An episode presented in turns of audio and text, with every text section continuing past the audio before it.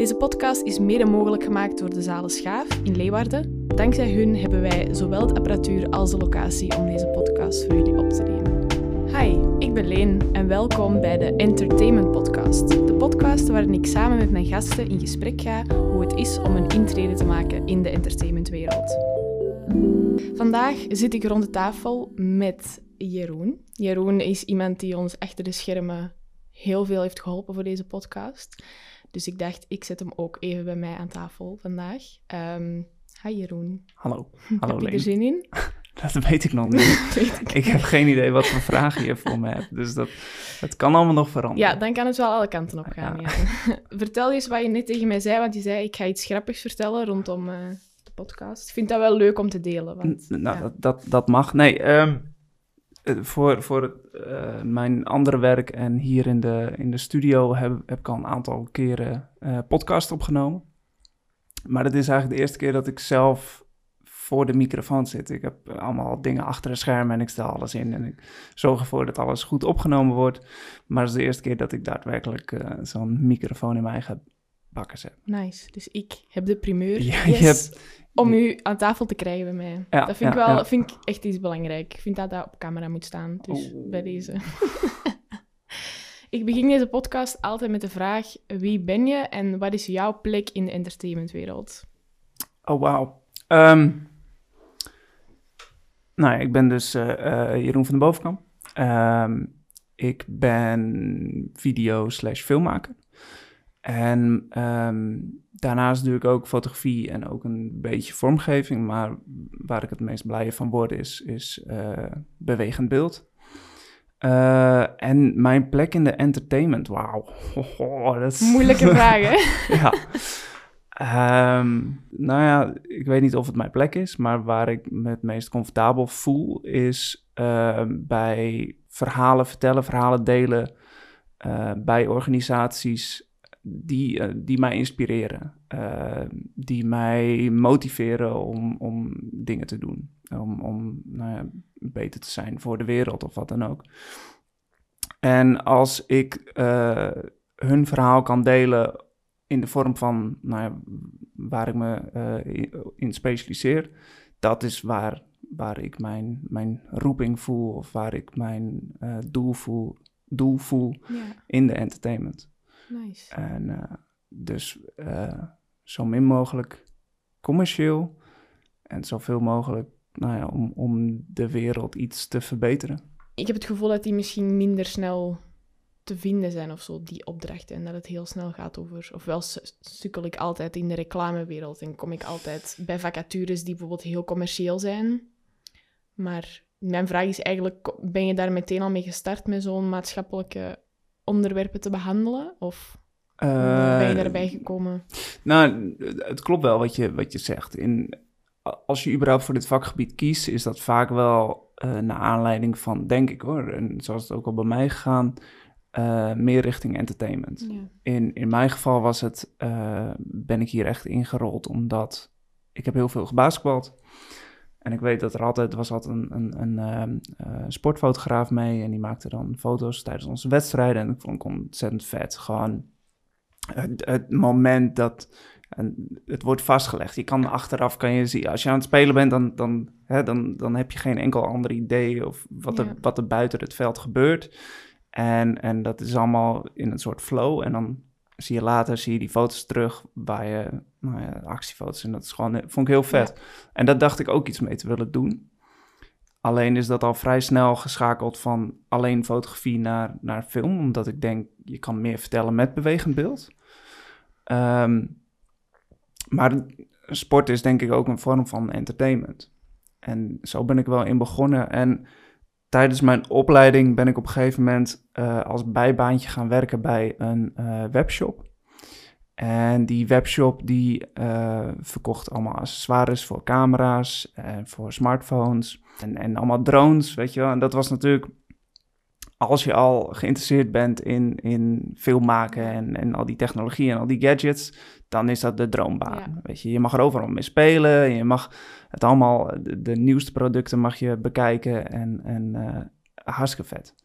En mijn taak was daar om daar deels marketing te doen. ik wist hoeveel uiteindelijk, hoeveel marge over die producten heen ging. Hoeveel het, het uiteindelijk kost om dat in te kopen. Het gaat door zoveel mensen eh, handen heen of bedrijven voordat het pas bij de uh, klant komt. Mhm. En daar gaat dan ook zoveel geld overheen. En uiteindelijk is het gewoon een product wat in China wordt gemaakt, waar allemaal arme mensen heel hard voor hun best hebben gedaan om dat te maken. En dan vervolgens heb je hier wat rijke stinkers die daar enorm van profiteren. En het, het moet er zijn. Weet je, het is volgens mij, het, het is wel de economie waarin we eh, kunnen bestaan. En nou geloof ik niet dat het zo extreem is waar ik werkte, dat dat moet bestaan. Maar ik snap dat fabrieken in, in China goedkoper zijn en dat snap ik allemaal. Maar op een gegeven moment had ik zoiets van, ja, maar dit is niet waar, waar ik voor wil staan. En Mhm. ik werd toen op een gegeven moment gevraagd of ik daar fulltime voor wilde gaan werken. En ja, dat was ook het besef van, ja, dat, dat kan ik niet. Dat, dit- hier kan ik niet, eh, hier voel ik me niet goed bij. Mhm. En toen ben ik dus daar eh, mee opgehouden en heel erg eh, een andere kant op gegaan. En die was? Ik ben toen gaan werken bij een, een, een bedrijfje dat heette eh The Joy of Working. Mhm. Dat heet volgens mij, tegenwoordig hebben ze gerebrand naar Let's Start a Fire. En dat was, het ging heel erg over ehm, je passie zoeken. Je passie in, nou ja, waar je al werkte, of je daar, of je daar wel op de juiste plek zit. eh, of je daar, nou ja, of je niet een heel ander pad in moet slaan in je leven. En daar heb ik mijn, eh, toen was ik aan het afstuderen. En toen heb ik daar mijn eerste eh, documentaire meegemaakt. Eh, en dat heette Journey into the Unknown. En dat ging ook heel erg over, nou ja, wat, wat, ehm, waarvoor ben je op deze aarde? En, en hoe kan je daarachter komen? Hoe kan je dat ontwikkelen? En hoe kan je mensen om je heen vinden die datzelfde hebben ontdekt en samen eh, aan, aan nou ja, een, een betere wereld werken? Ehm, en zo ben ik eigenlijk wel in contact gekomen met heel veel mensen. En zo is eigenlijk een balletje gaan rollen. En ook voor mezelf gewoon heel erg gevonden van... oké, maar eh, hier moet ik me voor inzetten. Ja, Dus zo, eh, nice. ja. Klinkt allemaal heel goed. Ja, inderdaad ook het, het... Daar heb ik het laatst ook heel veel over gehad met mensen, is van die nu een, baan hebben. Of die denken van, dit wordt de baan. Dat ik mij dan afvraag van, is het, zou je het dan oké vinden om te switchen, zeg maar. Als je merkt van, hm, dit is het toch niet. Want ik merk wel, er is een bepaalde druk of zo om het nu te vinden. En dan daar ook heel hard in te groeien, merk ik. Ehm, misschien zoek ik gewoon de foute mensen op hoor, maar kan ook. Nee, ik denk gewoon dat, ja, ik heb gewoon een beetje het gevoel als ik denk van ik wil nu iets gaan doen en denk, oh, ik vind het niet leuk, dan ja, heb ik daar zo al tijd in gestoken. Terwijl ik achteraf dan denk van, jammer. Maar langs de andere kant weet je het dan ook wel ineens. Maar, Dat het niet leuk is of dat het niet jouw ding is. Of... maar heb, heb je dan het gevoel dat je dat nu moet uitvinden? Dat je nu... Kijk, het is, volgens mij is het helemaal niet... eh, of, of, of je tien jaar terug erachter bent gekomen wat, waarvoor jij hier bent. Of dat je dat pas over 20 jaar, 30 jaar erachter komt. Ik denk dat ik het gewoon... Ik denk dat ik het idee gewoon heel leuk vind. Dat ik nu iets vind waarvan ik denk, wow, dit is nice. En dan ook een soort van heel carrièrepad ga opbouwen daar rondom. En daar echt een soort van expertise in ga opbouwen. Ik vind het een, een best wel enge gedachte dat ik nu allemaal dingen zou doen. En dan pas over tien jaar echt weet wat ik echt wil doen. Terwijl dat helemaal prima is, want het wil niet zeggen dat die tien jaar dan vreselijk zijn. Maar dat ik wel denk van, oh, en ik denk dat dat ook gewoon is, omdat ik... Ik had het daar met Jacco bijvoorbeeld al over, dat je mensen op Instagram gewoon heel veel dingen ziet doen, maar je hebt niet al die jaren daarvoor gezien. Dus je denkt van, oh, die zijn echt helemaal aan het doen wat ze graag willen doen. Terwijl dat ik nu denk van, ik weet het eigenlijk niet. Of ik weet wel net te veel dingen die ik leuk vind. Dus ik denk dat ik gewoon het idee van nu iets vinden en daar gewoon keihard voor gaan en daar altijd voor blijven willen gaan, heel mooi en dromerig en romantisch vind. Terwijl dat, waarschijnlijk helemaal niet zo... Of dat kan zo zijn, maar dat is niet het, het, het ideale... Zeg maar, super realistisch, denk ik. Ehm, vol- volgens mij ben jij een van de weinigen die daarbij stilstaat. Ja. en, en daar, ook- want dit is daar toch ook onderdeel van deze podcast, is ook jouw, jouw zoektocht van Ja. wat, wat zou ik willen. Heel veel eh, gaan bijna blind door het leven heen, denk ik. Die gewoon opleiding doen en, en ergens iets aangeboden krijgen, krijgen of eh, gaan solliciteren omdat ze maar werk moeten hebben. En eh, het kan heel erg in de richting zijn wat ze hebben gestudeerd of compleet niet. Maar zolang ze maar een baan hebben en vervolgens bijna een checklistje afstrepen van nou ja, baan, eh, vriendin, vriend, Appartement, hu- huis, appartement, huis, kinderen, misschien een hond, kat tussendoor, maar Ja. weet je wel. En, en daar, en pas 30 jaar later erachter komen van Mm, waar sta ik eigenlijk? ja. Is dit wel, weet je wel, dat is een keer, en dat gebeurt heel vaak met, eh, eh, eh, ter- ja, heftige ervaringen, weet je wel, het, het overlijden van iemand of het, het verlies van een baan. Dan pas komt er een moment dat iemand stil blijft staan bij, of stil gaat staan bij waar hij of zij op dat moment staat. Maar het is denk ik bij jou een heel mooi moment dat je dat nu al beseft en nu al daar goed over nadenkt en volgens mij ook goed de tijd daarvoor neemt om dat te Ja. onderzoeken. Van vrijwel niemand doet dat. Ja, ik denk, ik denk daar inderdaad wel veel over na. Misschien net iets te veel op een bepaald moment, want dat zorgt er misschien voor dat ik bepaalde dingen misschien niet meteen doe, omdat ik dan denk van ja, als ik deze keuze nu neem, dan op een of andere manier raak ik altijd in het patroon dat ik denk dat ik mezelf ergens mee vastzet, terwijl dat Hmm. je eigenlijk in principe nooit echt vastzet. Je kan er altijd wel uit, zeker op mijn leeftijd nog. Ik bedoel, ik heb geen huis, ik heb geen kinderen, dus financieel bijvoorbeeld als ik een baan heb die ik niet leuk vind, dan zou ik die ook gewoon in principe kunnen opzeggen als je natuurlijk wel iets daar tegenover hebt staan. Maar ik zet me nooit eigenlijk echt vast. Maar toch denk ik, ja, het kost wel moeite om die dingen te gaan doen. Dus wat als ik het dan niet leuk vind? Bijvoorbeeld, af en toe denk ik, oh, ik wil echt video's gaan maken. Dus dan gaat er in mij iets op van, ja, oké, dan ga ik eh, allemaal concepten bedenken en ik ga camera's aanschaffen en alle soort dingen. En dan is er meteen iets in mij dat zegt van, ja, maar ho, wacht, als je dat over een jaar nu niet meer leuk vindt, toch maar niet doen. Dus ik denk dat je er dan net iets te veel over nadenkt. Dat ik dan net niet... Ja, dat, ehm, ja, dat, het, kan, dat kan, maar ehm, je mag heel veel, je mag zoveel nadenken als je wil, zolang je ook maar dingen doet. stappen neemt. Ja. Ja, ja, ja. En dus zolang je maar een keer een camera aanschaft en dan vervolgens beseft van, oh, dit is het niet, dan kan je die altijd nog, weet je wel, gooi hem op Marktplaats en eh, je kan daarmee een, een podcast setup kopen en Ja. dan kan je daarmee gaan oefenen. Dus volgens mij maakt het niet heel veel uit of je, hoe lang je erover nadenkt, zolang je maar... Iets doet. Ja. Ja, en ik heb dat ook wel gemerkt nu, want ik... De afgelopen maanden zag ik zo'n soort van tien scenario's die ik leuk vond. En ik was over alle tien even hard aan het nadenken, maar ik ging geen enkele kant op, zeg maar. En nu had ik dan, heb ik nu de beslissing gemaakt, iets wat eigenlijk niets mee te maken heeft, maar het, om nu terug naar België te komen voor een aantal maanden mijn rijbewijs te halen. En dat is dan één beslissing die je maakt, die bepaalt waar je naartoe gaat even, dus een soort van doel. ehm, die dan nog los staat van al die tien scenario's, want de rijbewijs heeft in principe niks met media te maken, buiten dat je jezelf gewoon heel gemakkelijk kan verplaatsen. Ehm, maar het gekke is, door dat te doen, zijn er ook heel veel andere dingen aan het rollen gegaan, bijvoorbeeld. Dus als ik nu terug naar België kom, dan kan ik gewoon voor de yoga studio gaan werken en video's maken waar ik daarvoor voor werkte.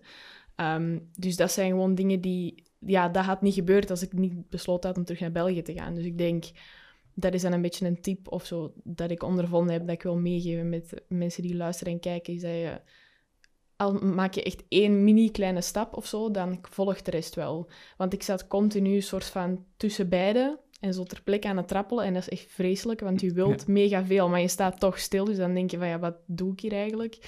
Ehm, maar ik denk wel dat dat, ja, dat heeft mij wel geholpen om... eh, wat ook niet wegneemt dat ik nog steeds geen idee heb wat ik in godsnaam ga doen met mijn leven vanaf eh, januari. Maar dan denk ik, ja, dat. Komt dan, dat komt dan ook wel of zo. En het, ik, het is wel moeilijk, maar af en toe kan ik het echt loslaten en gewoon denken van, oké, gewoon de rijbewijs halen in januari en dan zien we het wel of zo. Maar dat is wel moeilijk om die, om die controle los te laten. De freelancer-wereld lijkt mij ook heel interessant om, om te doen. Omdat ik merk dat ik gewoon heel hard kan genieten van verschillende dingen doen met verschillende mensen. En toch wel binnen hetzelfde werkgebied, dus video-editing en video opnemen. Ehm, dus dat is gewoon een extra project of zo voor Mhm. mij. Ehm, en dat is waar ik met jou ook over wou hebben, over freelance, eh, Oh, over de freelance wereld. Want jij bent ook freelancer, in combinatie met een, eh, met een vaste baan, Ja. met vier. Ja. Hoe is die combinatie voor jou? ik werk 24 uur in de week bij vier. En dus de andere tijd zet ik in voor, voor eigen klussen. Ik heb een vast inkomen. En eh, daarmee kan ik gewoon al mijn kosten dekken. En daarnaast kan ik opdrachten doen die ik zelf kies. Waar ik zelf achter sta, die ik zelf tof vind, waar ik mezelf mee kan ontwikkelen, waar ik van kan leren. Dus daarin kan ik gewoon heel goed, heel fijn zelf kiezen. Echt een voordeel in plaats van dat je, nou ja, bijvoorbeeld in coronatijd, toen volgens mij voor veel eh, eh, zelfstandigen alles wegviel. Ja, dan is alles wat je kan krijgen, elke klus die je maar kan doen, is er weer één. Is er weer één om wat inkomsten binnen te krijgen, om weer door deze tijd heen te komen. Eh, en ik vind het gewoon heel fijn, comfortabel dat ik dat niet per se hoef te doen. Mhm. Ik kan daar gewoon heel selectief in zijn. Dat betekent wel dat ik soms heel, heel scherp moet zijn of ik niet te veel doe. Want dat is soms wel een gevaar. Ja. En ook omdat dat gewoon soms gewoon hele eh, leuke dingen zijn om te doen, hele tof klussen. Kan wel eens gebeuren dat je in plaats van dat je nog twee dagen extra werkt, hè, dat, je, dat je vijf dagen in de week werkt en dat je dan nog een weekend hebt of zoiets, dat je gewoon ook het weekend aan het werk bent. En kijk, we zijn hier in, in, in onze, in, bij eh eh, Zalen in de studio. Ik heb hier ook mijn eigen studio. En soms zit ik hier gewoon wel elke, elke dag. Of nou ja, dan werk ik op kantoor bij vier en dan de andere dagen van de week ben ik hier elke dag. Eh, terwijl dit wel echt een werkplek is. Of dat altijd even gezond is, is, is wat van te zeggen. Ehm, maar dat is dus, eh, het is heel erg het voordeel en het is het ook kan heel erg een, een valkuil zijn. ja, het vraagt wel echt serieuze controle en zelfkennis of zo, denk ik. Misschien. Ja, ja, en ook een vriendin die af en toe zegt van, nou, dit is, eh, Hallo, je- kom naar huis. je werkt een beetje te veel, eh, kunnen we dit weekend nog iets leuks doen? Ja. Of eh, dat helpt wel. Ja, want soms heb ik dat, kan ik het zelf, ja, je, je raakt je soms kwijt. Omdat het is ook, voor mij is het heel erg ook mijn hobby. En nou ja, daar ben je graag mee bezig. Ja. En vervolgens eh, vergeet je de tijd. Vervolgens eh, eh, vergeet je dat je op zondag eigenlijk ook gewoon aan het werk bent. Of dat je ook iets hebt gepland. En, en ja, dat, dat is wel iets waar je of zelf of gewoon iemand om je heen...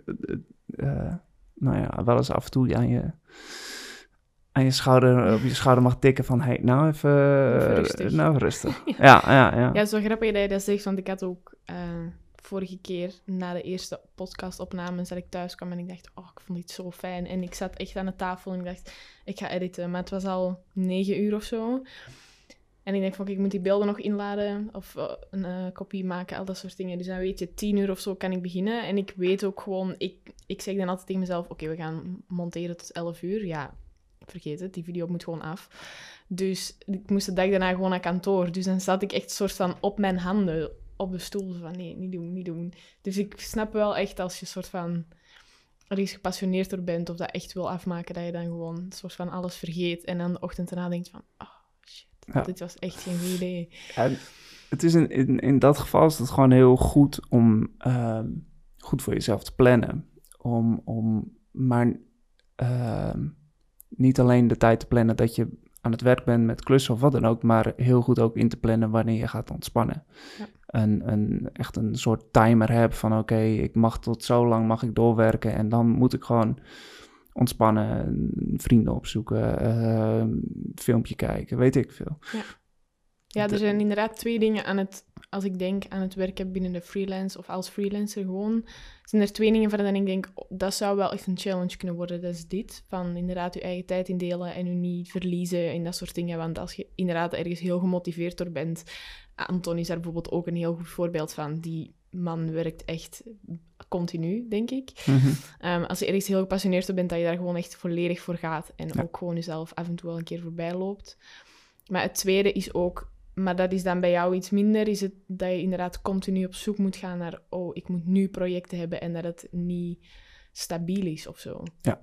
Maar inderdaad, in combinatie met een vaste baan die gewoon wel de ondersteuning biedt dat je nodig hebt, dan is het wel, eh, Is het heel is goed het te wel doen. handig. Ja, en ik denk ook, ik, er is iets in mij wat denkt van, ga dat maar eens proberen freelancen, want volgens mij is dat wel iets wat best wel goed bij je past, om inderdaad dat, het zelf inplannen, maar ook een beetje meer op gevoel kunnen werken of zo, op je eigen, waar je zin in hebt, of eh, wat dat je op dat moment mist of nodig hebt. Maar dat je ook financieel, dat is ook best wel een gevaarlijk ding, denk ik.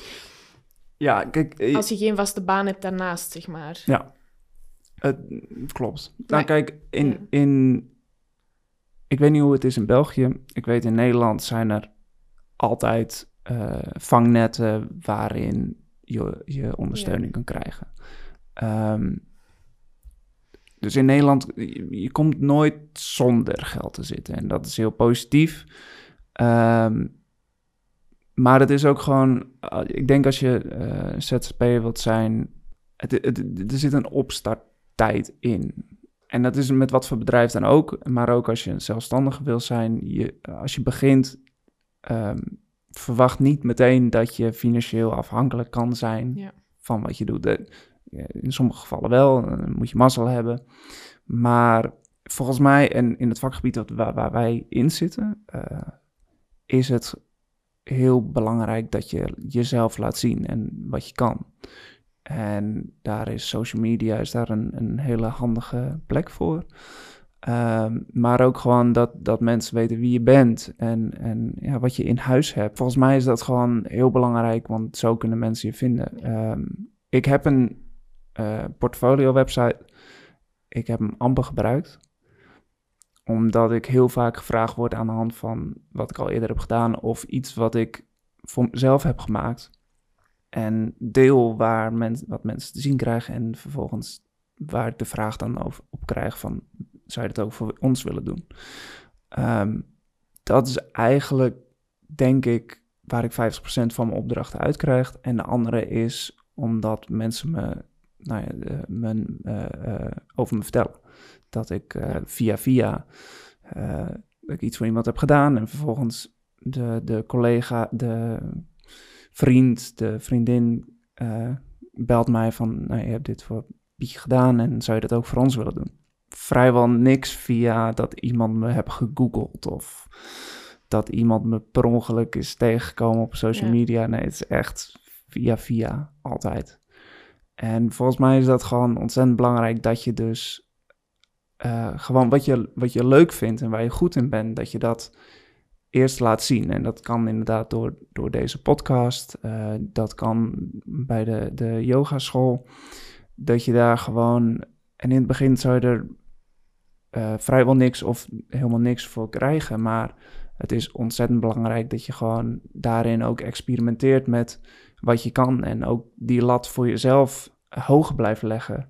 Zodat je jezelf daarin ook ontwikkelt en, en daarin ook gaat zoeken. Van, nou ja, wat vind ik leuk en, en Ja. waar wil ik beter in worden en wat zou ik echt heel tof vinden om te doen voor een bedrijf. Ja, ik denk ook inderdaad dat je zegt van in het begin ga je er misschien nog niet zo heel veel voor krijgen. Ik heb, had met de yoga studio nu ook zoiets van, kijk, het is gewoon moeilijk in deze tijd. En hetgeen wat mij nu het meeste oplevert, is momenteel niet per se geld, maar gewoon eh, zichtbaarheid. Mensen mijn naam zien voorbij komen. Ehm, al is het maar, zijn heel veel mensen die daar yoga doen. Dus al is het maar dat er iemand daar zit met een bepaald bedrijf die zoiets heeft van, oh, ik, ik heb dat nodig. Ehm, dat is voor mij wel echt een moment om aan mijn netwerk te bouwen, zeg maar, binnen, eh, binnen België ook gewoon. Want het, het is heel fijn dat ik deze stap nu naar hier gemaakt heb. En hier nu best wel mijn netwerk aan het uitbouwen ben in Leeuwarden. Maar in België had ik wel echt zoiets van, als ik nu terugkom, dan...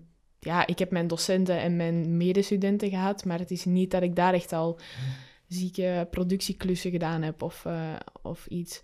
Want ik merk ook dat dat, en dat is wel een soort van onzekerheid als ik denk aan freelancerwerk, is jezelf een soort van verkopen voelt dat altijd. Hmm. voor mij. Dat ik denk, heb je daar tips over? Want dan denk ik, ik, heb, ik ben echt geen geboren verkoper. Ik bedoel, ik heb eventjes ehm, PR-werk gedaan eh, voor een bepaalde organisatie. En daar moest ik soort van onze organisatie verkopen aan grote bedrijven om dan sponsoring te krijgen. En dat is, ja, ik werd daar echt doodongelukkig van, want dat is echt niks voor mij. Maar ja, dan vraag ik me af, ik, als je jezelf als freelancer verkoopt, dan moet je wel een soort van kunnen weten wat jou uniek maakt, denk ik, om aan te bieden of zo. Want ik, bijvoorbeeld, ik had een account gemaakt op Fiverr. Dat zei Jacco Ja. tegen mij, van dat Ja. is een goed platform, doe maar. Dus ik had een account gemaakt, helemaal gemotiveerd. En toen kwam al het moment waarop dat je je diensten aan een bedrag moet kleven. En toen dacht ik, Hmm. ja, weet ik veel. Ehm, puur ook gewoon het feit dat ik denk, ja, ik, eh, dan is er toch wel een soort van zelfvertrouwen in mij dat zegt van, ga, moet je dat nu echt doen? Want ik weet niet of je daar al genoeg ervaring in hebt. En vooral hetgeen wat daar dus heel hard in voorkwam, is dat ik dan al die 500 andere accounts zag, die als titel hebben gezegd, ehm, ik eh, monteer jouw video's op professionele manier voor YouTube en Instagram. Toen dacht ik, ja, dat wil ik ook doen. Maar er zijn echt 500 mensen die dat hebben opgezet. Dus hoe, hoe kun je nu je eigen unieke dingen naar voren brengen? Of is dat gewoon iets wat een soort van vanzelf naar voren moet komen, denk je? Ja, dat, dat is voor mij en hoe ik dat zie nog steeds aan de hand van wat je, wat je al gedaan hebt. En vooropgesteld, ik ben zo dyslectisch als de pest. Ik ben heel slecht in tekst. En dat weet ik heel goed van mezelf. En daarom wil ik dat laten zien met... eh, ik, wil niks aan iemand hoeven schrijven of hoeven tikken. Ik wil dat laten zien met wat ik doe. Dus als, als ik mezelf wil verkopen, is het nou, kijk naar deze video. Eh, dit heb ik gemaakt. Maak je eigen, geef je eigen mening daarover of je vindt dat ik geschikt ben of niet. Ehm, dus ja, dat verkooppraatje zit in wat je doet en wat je maakt. Vervolgens komt er natuurlijk wel dan een stap, eh, dan iemand het vertrouwen in heeft en jij kan dat maken. En dan zit er inderdaad een prijskaartje Ja. daaraan geven. En dat blijf ik ook nog steeds heel lastig vinden. Ehm, ik krijg nog steeds ook van mensen omheen wel terug dat ik te weinig vraag soms. Ehm, nou zit het ook nog steeds wel deels verbonden aan het feit dat ik dus een, een vast inkomen heb. Ja. Ehm, maar ik onderscheid dat heel erg aan de hand van nou ja, wat ik mezelf waard vind. Wat, eh, wat ik zie, wat er in de omgeving wordt gevraagd voor hetzelfde, hetzelfde soort werk Ja. wat ik doe. En ook voor wat voor organisatie ik het doe. Eh, voor een stichting vraag ik heel iets anders als een, een, een commercieel bedrijf. Ehm, dus daarin zit, zit, er zit altijd een heel groot verschil in. En ook van, nou ja, wat, wat kan ik deze maand vragen, weet je wel? Als jij alleen daar je inkomsten uithaalt, eh, nou, hoeveel tijd ben ik eraan kwijt? En wat heb ik deze maand nodig om al al mijn kosten te kunnen dekken of om iets kunnen aanschaffen of weet ik veel. Dus daar, het is, het is allemaal aan de hand daarvan dat je een prijs voor jezelf opstelt. Maar eh, het allerbelangrijkste is dat je op een gegeven moment beseft dat het tijd van je inneemt. En je moet, je moet leven, je moet inkomsten genereren, je moet je huur betalen, je moet je eten kunnen kopen. Dus je moet wel die tijd kunnen verzilveren. Ehm, en ja, dus daarin is dat gewoon Ja, het is nodig. ja, en, en het is eh, naar jezelf kijken. En weet je, hoe, hoeveel, hoe lang werk je al hierin? Eh, wat voor apparatuur heb je? Eh, maar ook misschien moet je apparatuur aanschaffen. Dat be- bereken je er allemaal in mee eigenlijk. Het is wel moeilijk om erin te komen. zeg. En jij zegt, hoe lang zit je nu al in dit? Ben je nu al mee bezig? Wanneer ben ik afgestudeerd? Waar, wanneer leven? Welk jaar leven we? Ja. In het eh, jaar van corona. Oh dat ja. ja. Nou, ik, ik denk dat ik hier al eh, tien, tien, nee, met mijn opleiding 15 jaar. Ja, kijk, dus rond tussen de 10 en 15 jaar. eh, Wat ik wil, het punt dat ik wil maken is inderdaad dat je een soort van nu nog steeds hebt van, oh, dat vind ik nog wel moeilijk. Ja. Terwijl, ja, het is echt een soort van... het is wel overweldigend, want als, ik heb al bij een vacature dat ik denk mijn portfolio opstuur van, oh, is het wel goed genoeg? Ben ik hier wel waardig genoeg voor qua werk? En laat staan dat ik dan zelf nog moet bepalen welke prijs ik er soort van aan vasthang. Ja. En sowieso het heel gegeven met portfolio. Misschien leek ik daar bij mezelf veel te veel druk op, maar ik, heb, ja, ik vind dat gewoon heel moeilijk. Ik heb de laatste drie, nee, half jaar, ik denk mijn portfolio echt al drie, vier keer herwerkt. Dat ik altijd denk, nee, ik vind het niet leuk. Nu leg ik de focus ergens anders op. Ik vind het niet leuk. En ik had daarvoor de focus heel hard gelegd op dus meer het maatschappelijke. Ja. Dus de ethische kant. En nu denk ik van, dit is wel echt heel niche momenteel nog, om bij elk bedrijf daarmee af te komen. Want er zijn ook heel veel leuke bedrijven die daar misschien niet op gefocust zijn. Die denken, die is wel echt, die denkt over alles veel te veel na. Of die is heel maatschappelijk, uh, die gaan werken. Ja, dat ik gewoon voor mezelf heb besloten om een zo neutraal mogelijk portfolio te maken. Als in gewoon heel basic van dit is het werk dat ik gedaan heb. En het niet één kant proberen op te duwen. Um, en inderdaad gewoon proberen de video's en al het werk een soort van voor zichzelf te laten spreken of zo. En dan gewoon hopen dat die persoonlijkheid er in een gesprek of zo wel naar voren komt. Terwijl dat ik daarvoor echt zoiets had van mijn portfolio moet zo uniek zijn. Um, wat ook wel een klein beetje zo is, want je moet er natuurlijk wel uitspringen, maar ja, ik probeer nu meer te vertrouwen in dan de uniekheid dat je werk uitstraalt en dat je er soort van zelf nog echt moet gaan bijschrijven of op zo'n bepaalde manier moet gaan formuleren dat ik ja, dat het dan specialer wil maken dan dat het misschien is of zo. Ja, ik, ik, ik geloof wel in dat het een, uh, uiteindelijk de opdrachten, uh, de opdrachtgevers, die, het is, een, het is een balans van wat je nou ja, wat je, wat je zelf doet en zelf laat zien en waar mensen naar zoeken. En volgens mij heb je wel een goede keuze in gemaakt van ik, ik, laat gewoon zien wat ik, wat ik heb gedaan. En dat je daar niet te veel in gaat sturen. Mhm. Maar ja, ook met, met wat je hebt gemaakt is het ook een, het is een momentopname. En het is ook gewoon, oké, dit, dit is waar ik nu sta. En alles wat je nu doet, Weet je, dat, je verbetert ook heel snel. Je, je, je leert meer. En ook de mediawereld ontwikkelt zich ontzettend snel. Eh, en daarin is dat ook gewoon iets wat... Het blijft allemaal niet stilstaan. En wat je een half jaar terug hebt gemaakt... En wat je nu maakt, dat is ook gewoon... het- uiteindelijk komt er een... Op het moment dat je het naar buiten brengt, komt er gewoon een stempel op. Dit is een product van 19, eh, 2019 en dit is een product van 2020. En Mhm. ja, volgens mij eh, bij opdrachtgevers is dat ook, ja, die, die snappen dat ook. En eh, volgens mij moet je daar niet te hard tegen jezelf in zijn. En gewoon delen. Kijk, ik heb ook best, ik had eerst ook alles openbaar staan en, en vanaf de eerste video die ik online heb gezet tot aan de laatste. En dat, dat, ja, op een gegeven moment eh, heb ik wel wat verborgen, maar er staan nog steeds heel veel dingen online dat ik zoiets heb van, ja, maar dat was, dat was ook toen. En ik vind het van mezelf ook tof om gewoon heel makkelijk te terugvinden van, ja, dat, dat heb ik toen gemaakt. En dat is niet hetzelfde wat ik nu maak, Nee. maar dat staat er toch nog. Ja, en het toont ook wel aan hoe snel dat je dan dingen leert of verbetert of zo. Precies, Ik precies. dat dat ook wel aantrekkelijk kan zijn voor een werkgever. Dat je merkt van oké, een jaar geleden zag een video er zo uit en nu ziet het er zo uit. Dus dat Ja. wil wel zeggen dat je er heel veel tijd en werk in geïnvesteerd hebt en zo.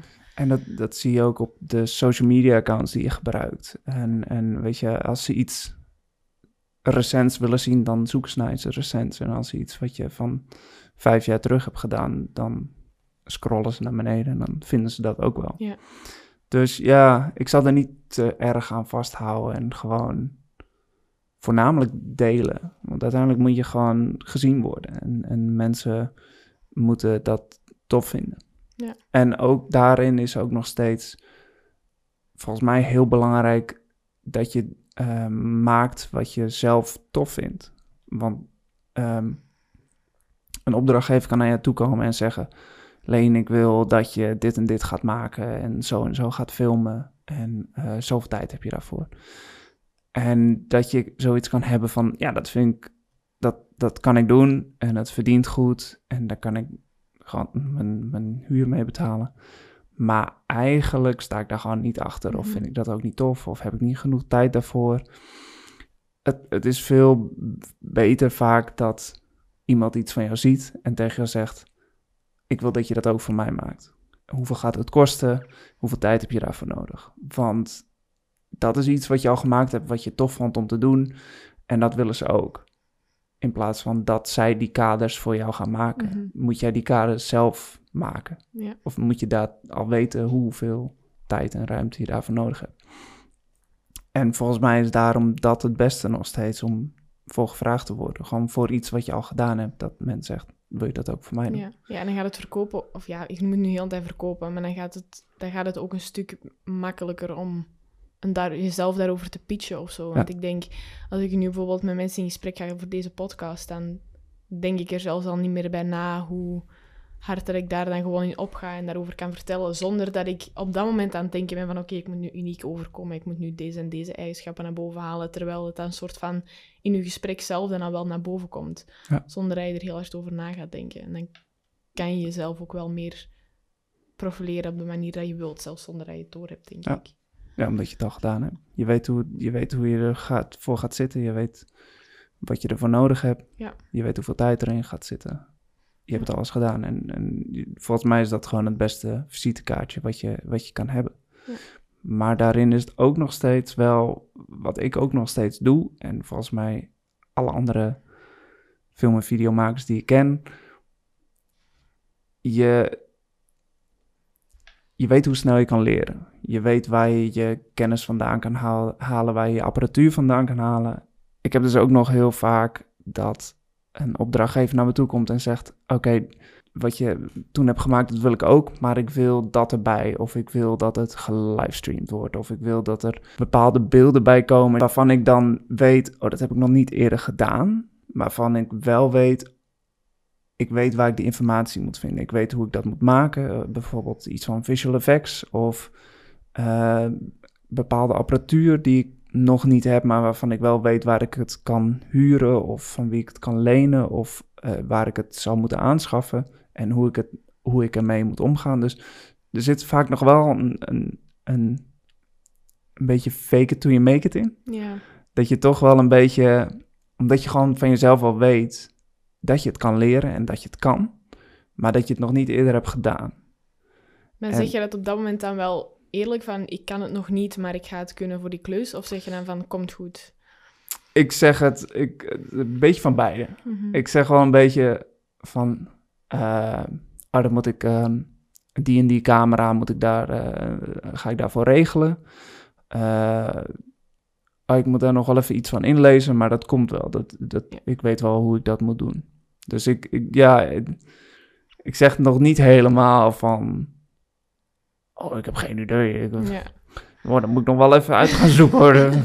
kost me nog wel vijf uur Google-tijd, maar oké. ja, Ja. maar... Klopt, ja. Weet je, dus dat, dat zit er nog wel in. En dat is ook gewoon, ik vind het ook tof om te doen, omdat je jezelf daarin ook stimuleert om te ontwikkelen. Het, is, het zijn natuurlijk altijd wel dingen die ik zelf ook wil leren.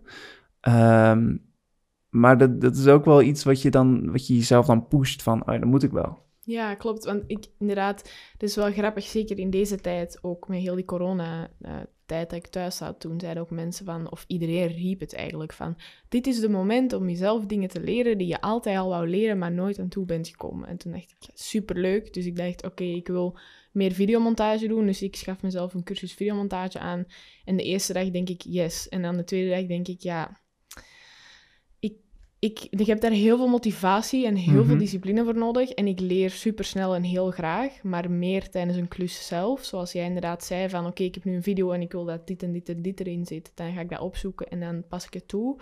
Dan dat ik nu zeg, ik heb nu een week waar ik niks in te doen heb, dus ik ga me elke dag om negen uur klaarzetten voor de laptop om te leren. Ja. Dat werkt voor mij ook niet zo. Terwijl dat er wel een stemmetje in mij was die zei van, je moet het wel doen, want anders kan je jezelf nog niet als freelancer eh, op de markt zetten. Terwijl het dat achteraf gezien een beetje dom is. Of ja, niet dom, maar dat dat eigenlijk niet hoeft. Maar dat is wel een soort van... Ik heb altijd het gevoel dat ik nog niet professioneel genoeg ben om mezelf als freelancer op de markt te zetten. Terwijl dat ik van mezelf inderdaad wel weet dat dat na een bepaald niveau Mhm. wel is. Maar dat ik ook gewoon veel meer leer tijdens zo'n project zelf. Bijvoorbeeld, er zijn nu, als ik nu over een yoga studio praat, ik hang mij aan de telefoon en zeg ik wil dit en dit en dit. Ik zeg ja, ik vind het super leuk, maar ik heb nog geen idee. Maar dan, dan doen we dat wel gewoon samen en dan eh, zoek ik dat wel uit. Dus dat is voor mij ook wel een manier om meer daarin te leren. Ja, dat is een goede drijf. Om, om, ja, ik denk dat dat, ja, inderdaad, dan moet je een soort van. En dan zie je ook meteen resultaat en dan is dat resultaat ook meteen met een doel. Want ik denk, als ik dan die cursus doe, dan ga ik een soort van stokbeelden downloaden mee te spelen. En dan belandt dat op het einde van de dag in mijn archief of mijn laptop. En dan denk ik, ja, leuk, ik heb het nu geleerd, maar het, het komt nergens of zo. Terwijl dat je het dan meteen kan toepassen. Ja, nee, dat, dat klopt, volledig. Eh, of nou ja, dat heb ik ook. het is hetzelfde als uh, dat je voor school een, een, een, video of een website moet maken wat helemaal geen enkel doel heeft of een, een of ander nepmerk is. Ja. En dan moet je dat maar maken. Dat, daar kan ik mezelf ook niet voor motiveren. Het moet wel echt iets zijn wat ik wil delen, wat ik wil laten zien, waar ik een afproduct van wil maken. Waar ik dan iets voor ga proberen of iets ga leren. Maar ik ga niet zomaar, nee. Nee, ja, dat is ook een van de grootste redenen waarom nu denk ik, ik wil eigenlijk echt niet meer verder studeren. Omdat ik, ik had eigenlijk een heel mooi vergelijkingsbeeld tussen mijn stage. En omdat die uren niet genoeg waren, moest ik nog een opdracht doen voor school daarnaast. Waar ik ook heel veel uren in moest steken. En toen merkte ik gewoon van alle uren die ik in de Nordic Wave steek, die hadden meteen resultaat. En ik wist gewoon, alle uren die ik nu in die schoolopdracht steken, die gaan gewoon, die gaan letterlijk een schoolarchief in. Ja.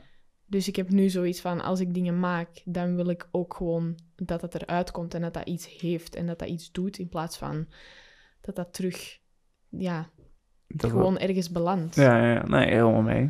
Ja. Dat vind ik eigenlijk op zich wel jammer, want ik heb ook al een aantal mensen gehad die mij nu ook aanspreken van hey, we hebben hier een klus voor jou en eh, we vragen jou omdat we studenten nodig hebben, want we hebben geen budget. Mm. En dan denk ik, ja, superleuk, maar ik ben nu wel op een punt waarop ik denk van ik wil wel dingen gewoon eh, mezelf financieel een beetje iets gaan opbouwen. Maar dan denk ik, dat is een zo'n mooie, een zo mooie kans om studenten eraan te koppelen die dat als schoolopdracht te geven, waardoor het echt resultaat heeft, want die film of, of videoclip, whatever, wordt dan echt getoond. Mhm. Maar dat wordt dan nog te weinig gedaan of zo, merk ik. Maar ik merk wel bij CMD bijvoorbeeld, waar jij ook gestudeerd hebt en ik ook een half jaar, dat het daar al wel een beetje in gedaan wordt. Ja. Want onze opdracht ook toen, die had echt wel effect op de school waar we toen mee werkten. Ehm, maar ja, ik merk binnen mijn eigen studie in België dat ik dat wel nog heel hard miste. Ah, hoe, hoe was die studie? Wat, wat, ja. het is eigenlijk ongeveer, uh, qua concept is het wel hetzelfde. Dus je, je leert een soort van alle dezelfde aspecten. Ja. Maar wat in CMD hard in voorkwam, is dat je echt naar je eigen competenties op zoek gaat en naar wat kan ik verbeteren. En het is echt super gericht op persoonlijke ontwikkeling. Mm Terwijl dat, ik denk, het, de vraag is bij mij nog nooit gesteld in mijn opleiding in België van en wat heb je hier nu zelf uitgeleerd? Of hoe ben je hier nu als persoon in gegroeid? Of um, het was heel hard van, uh, dit wil de klant en um, dit moet via dit en dit en dit model. Of deze manier van projectmanagement bijvoorbeeld. Omdat je dat in de theorie had gezien. Terwijl bij CMD is het eerder van, oké, dit zijn de dingen en kies nu hetgeen wat voor jou het beste past. Ja. En ik weet ook nog dat we op een bepaald moment een meeting hadden met onze klant en dat die ineens na de briefing zijn hele opdracht had omgegooid. Waardoor dat wij allemaal onze competenties niet meer ingevuld kregen op de manier dat we mm, wouden. Ja. En toen zei het hoofd van eh, de Frisian Design Factory toen tegen ons van ja, ga gewoon met jouw klant zitten en zeg gewoon van kijk, um, we willen het zo aanpakken, want we denken dat het zo beter wordt. En um, vraag hem gewoon om, om terug te switchen naar de vorige opdracht. En ik weet nog, toen ik zat daar met Yuri, een vriend van mij ook, die hetzelfde studeert in België, en we zaten echt allebei van mogen wij op die manier in conversatie gaan met onze klant? Als in, hè, super gek dat je zelf gewoon mag zeggen van nee, ik vind dit niet, ik wil dit niet. Natuurlijk, app is een opdracht, is een opdracht. Je moet het niet volledig willen switchen. Maar ik heb nog wel opdrachten gehad in, in de opleiding in België, waar we alles hadden uitgewerkt en dat die dan zei van, uh, nee, toch anders. Dus er is gewoon veel meer plek voor communicatie. En ook ontwikkeling, zoals ik zei. Wij hadden gewoon vakken, theorie en dan toepassen. Hmm. En we hadden ook nog examens en zo. Dat heb je bij CMD ook uh, eigenlijk niet. Dus dan, het is qua opzet hetzelfde, maar de hele beoordelingssysteem en zo is wel anders. En okay.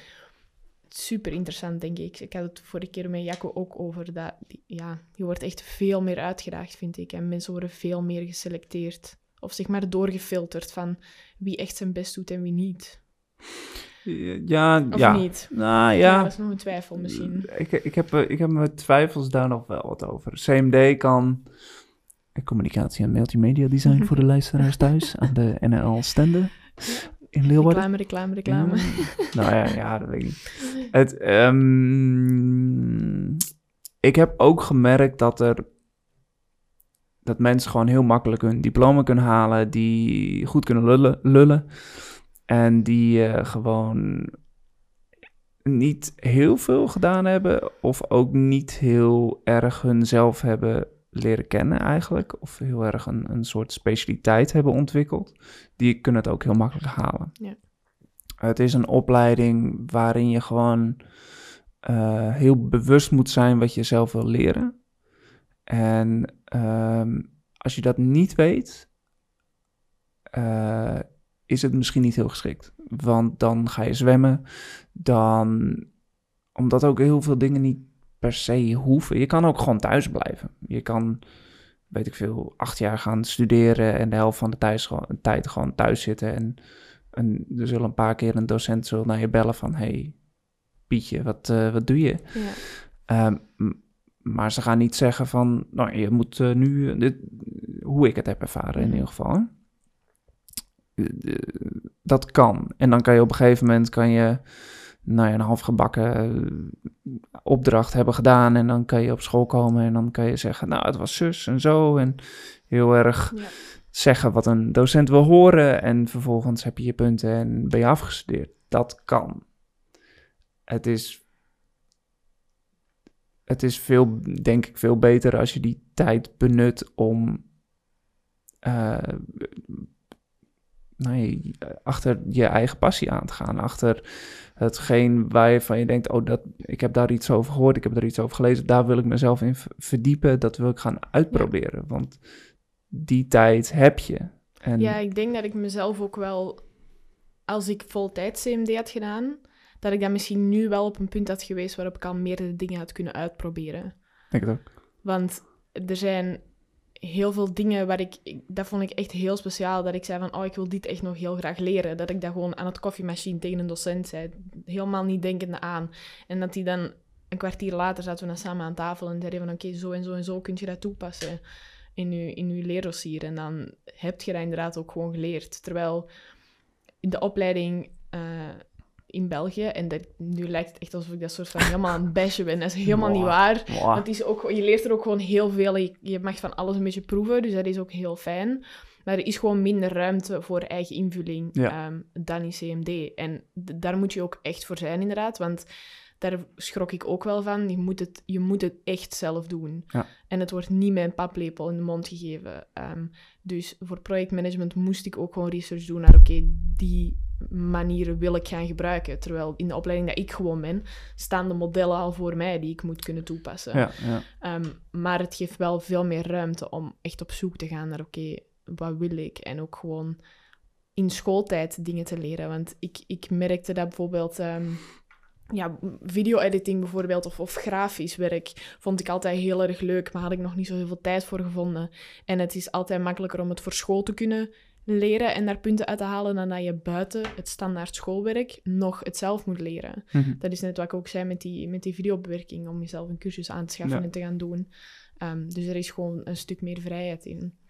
Ehm, ja, Maar ja, maar volgens mij zit dat daar dus het verschil in wat voor persoon ben je. En, Ja. en hoe, eh, want eh, er zijn ook gewoon, ook die CMD's zijn, zijn gaan studeren, heel veel studenten geweest die gewoon veel meer baat hadden bij die theorie. Veel meer baat hadden bij, oké, dit moet je leren en dan is de toets en dan moet je dat halen. En die ook nu gewoon hele toffe dingen doen, maar die gewoon ja, veel meer eh, uit die theorie hebben gehaald. Eh, en tegelijkertijd heb ik ook wel zoiets van, ja, bepaalde theorie had ik ook wel heel graag willen hebben. ja. En ehm, moet ik dan nu nog vaak gaan uitzoeken en moet ik eh, en, soms de dingen die ik doe, weet, ik weet wel heel goed wat ik doe, maar waarom ik dat doe, welke, waar het op gebaseerd is, waar, welke theorie daarachter zit, die heb ik niet. Ja.